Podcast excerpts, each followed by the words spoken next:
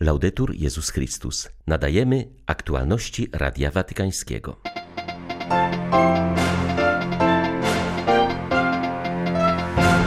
Papież przypomina o potrzebie zapewnienia powszechnego dostępu do szczepionek na COVID-19. Po orzeczeniu w sprawie zabójcy George'a Floyda amerykańscy biskupi apelują o pojednanie.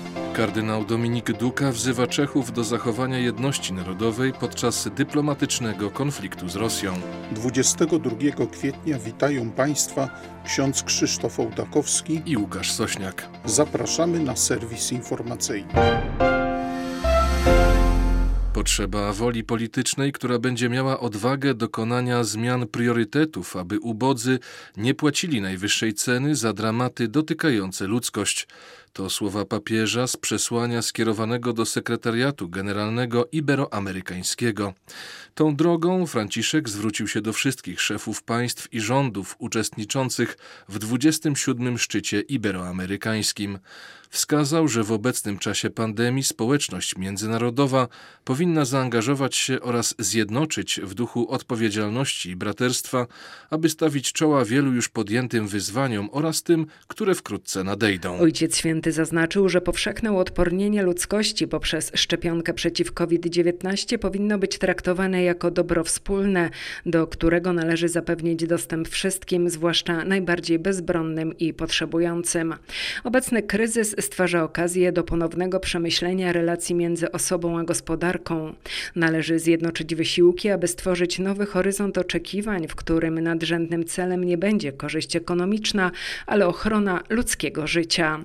Papież podkreśla, że trzeba zwrócić szczególną uwagę na konieczność zreformowania międzynarodowej architektury zadłużenia jako integralnej części wspólnej odpowiedzi na pandemię, ponieważ renegocjacja obciążenia długiem najbardziej potrzebnych potrzebujących krajów jest gestem, który pomoże im rozwijać się, otworzy dostęp do szczepionek, opieki zdrowotnej, edukacji i zatrudnienia.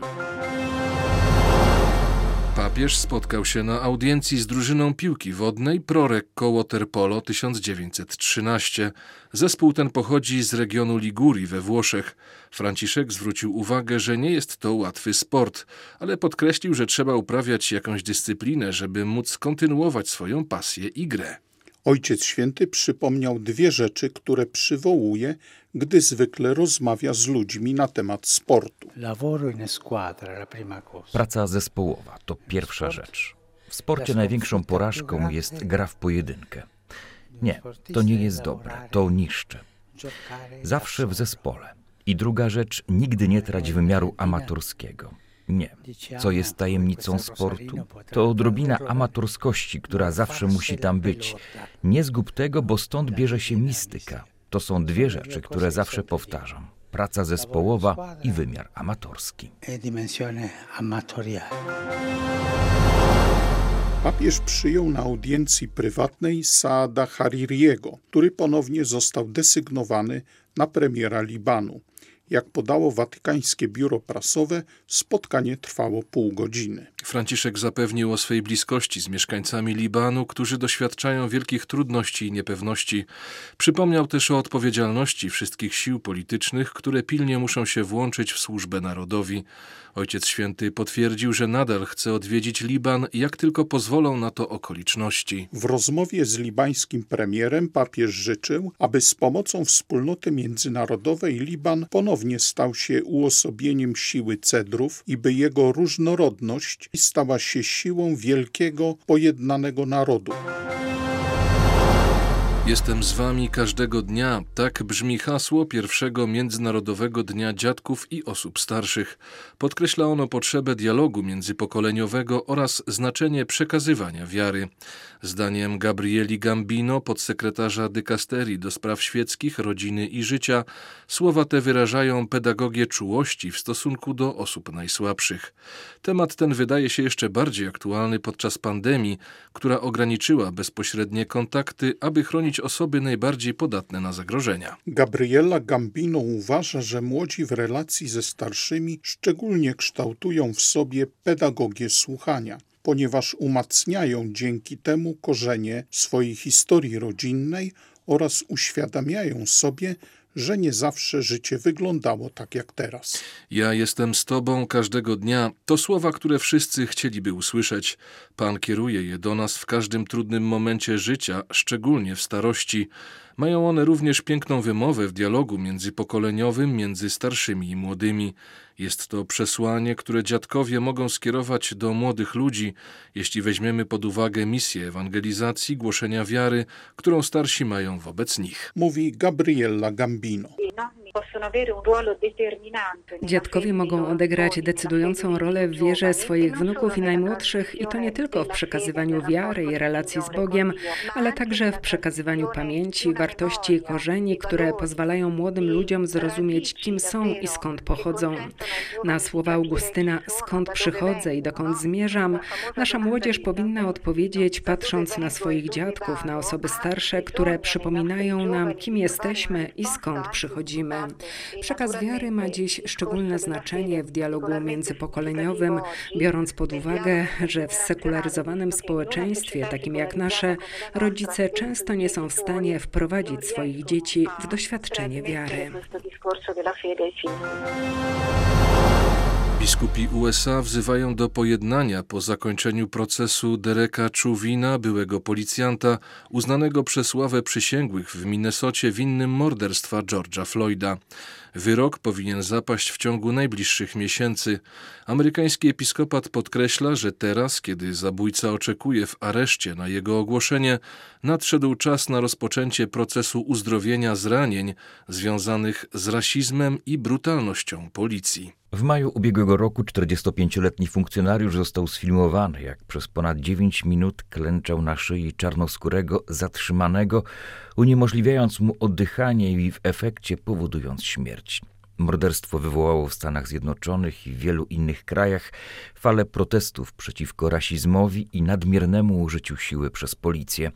W oświadczeniu biskupów wydanym po zakończeniu rozprawy czytamy, że śmierć George'a Floyda uwypukliła w społeczeństwie amerykańskim potrzebę dostrzeżenia świętości życia wszystkich ludzi, szczególnie tych, którzy na przestrzeni dziejów USA byli uciskani i prześladowani.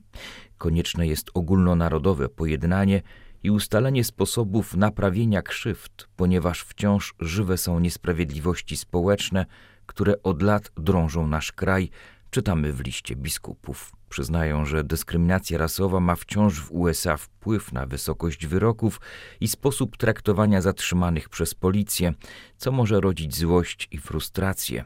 Apelują jednak, aby gniew i nienawiść nie zwyciężyły. Podkreślają, że gwałtowne protesty, które wybuchły po śmierci George'a Floyda, w rzeczywistości niewiele zmieniły w faktycznej sytuacji osób dyskryminowanych.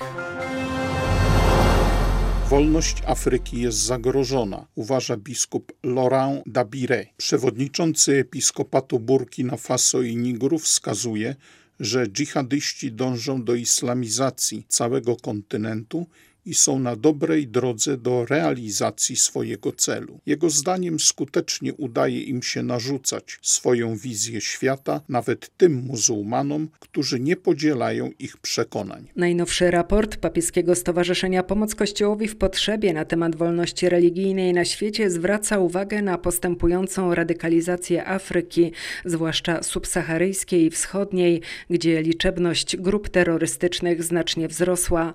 Wolność religijna jest łamana w niemal połowie krajów Czarnego Lądu.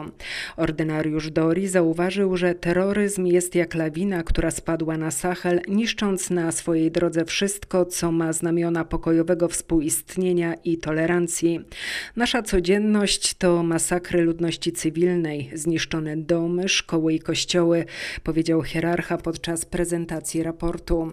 Podkreślił, że dialog z radykałami nie jest możliwy, ponieważ dla nich nie do zaakceptowania jest samo fizyczne istnienie chrześcijan. Odpowiadając na pytania dziennikarzy, hierarcha wyraził wdzięczność dla Francji za stworzenie międzynarodowej misji, której celem jest szkolenie wojsk państw Sahelu do walki z terrorystami. Żaden kraj nie może wygrać z nimi w pojedynkę, dlatego jak nigdy potrzebujemy jedności i współpracy, podkreślił ordynariusz Dori.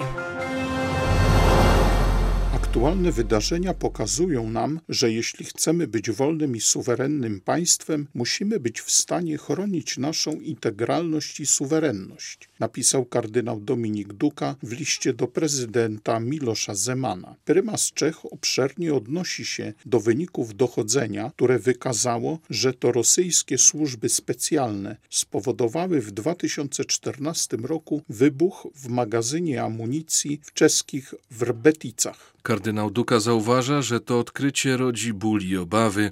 Czesi mogą się też pytać, jakie dzisiaj mają gwarancje i kim są ich przyjaciele. Praski arcybiskup podkreśla jednak, że jeśli jego rodacy chcą liczyć na pomoc innych, sami muszą być odpowiedzialni i wypełniać zobowiązania wynikające z traktatów międzynarodowych. Kardynał Duka apeluje również o jedność wobec zagrożenia. Przypomina, że Czesi potrafili wznieść się ponad podziałami w ważnych dla nich chwilach dziejowych, kiedy powstawała Czechosłowacja, kiedy stawiali opór podczas II wojny światowej, a także gdy walczyli z komunistyczną dyktaturą. W tych chwilach zawsze wiedzieliśmy, czym jest dobro wspólne, wolność, godność i prawo człowieka do wolnego i godnego życia, przypomina kardynał Duka. Ostrzega zarazem, że jeśli Czesi nie będą mówić jednym głosem i będą wykorzystywać tę sprawę do wewnętrznych sporów, to muszą się liczyć z tym, że zostaną porzuceni. Uczy nas tego cała nasza historia, podkreśla prymas Czech. Wskazuje on zarazem na głębszą przyczynę aktualnego kryzysu.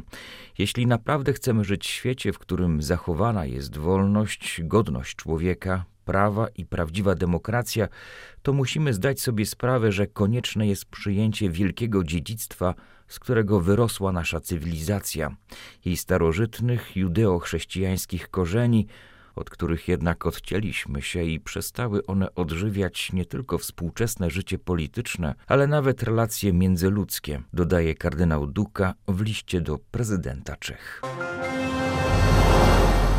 Sanktuaria maryjne to miejsca, które pokazują, w jaki sposób Bóg pozostaje obecny wśród nas za pośrednictwem Matki. Mówi ojciec Stefano Czekin, przewodniczący Papieskiej Akademii Maryjnej, wyjaśniając ogłoszoną wczoraj inicjatywę różańcowego maratonu o ustanie pandemii. Ośrodkami tej inicjatywy będą właśnie rozsiane po całym świecie sanktuaria maryjne. Codziennie przez cały maj o godzinie 18 w jednym z tych sanktuariów będzie odmawiany różaniec w łączności z całym Kościołem Powszechnym. Wydarzenie będzie transmitowane przez watykańskie media. Maryjny Maraton to inicjatywa papieża Franciszka. On sam go zainicjuje i zakończy osobiście włączając się w modlitwę różańcową. Jak mówi ojciec Czekin, Uciekanie się w chwilach próby pod opiekę Maryi jest naturalnym odruchem wierzących. Ta inicjatywa to nic nowego, bo już za Jana Pawła II organizowano modlitwy różańcowe z udziałem sanktuariów na całym świecie. Na przestrzeni całych dziejów papieże zawsze nas uczyli, że w trudnych chwilach mamy się uciekać do Maryi. Dlatego jest ona nazywana naszą ucieczką, nadzieją. Dał ją nam sam Jezus, kiedy wisiał na krzyżu, abyśmy nie pozostali sami, ale już na weselu w Kani Galilejskiej dostrzegała potrzeby nowożeńców, tak samo czuwa nad każdym z nas, a zwłaszcza w chwilach próby. Kościół nie przestaje nam tego powtarzać. W takich sytuacjach mamy się uciekać właśnie do niej. I dlatego również teraz, kiedy doświadczamy pandemii oraz jej konsekwencji, papież przypomina nam, że mamy się do niej zwracać w tej najpiękniejszej modlitwie, czyli na różańcu. Eh, Były to aktualności Radia Watykańskiego. Laudetur Jezus Chrystus.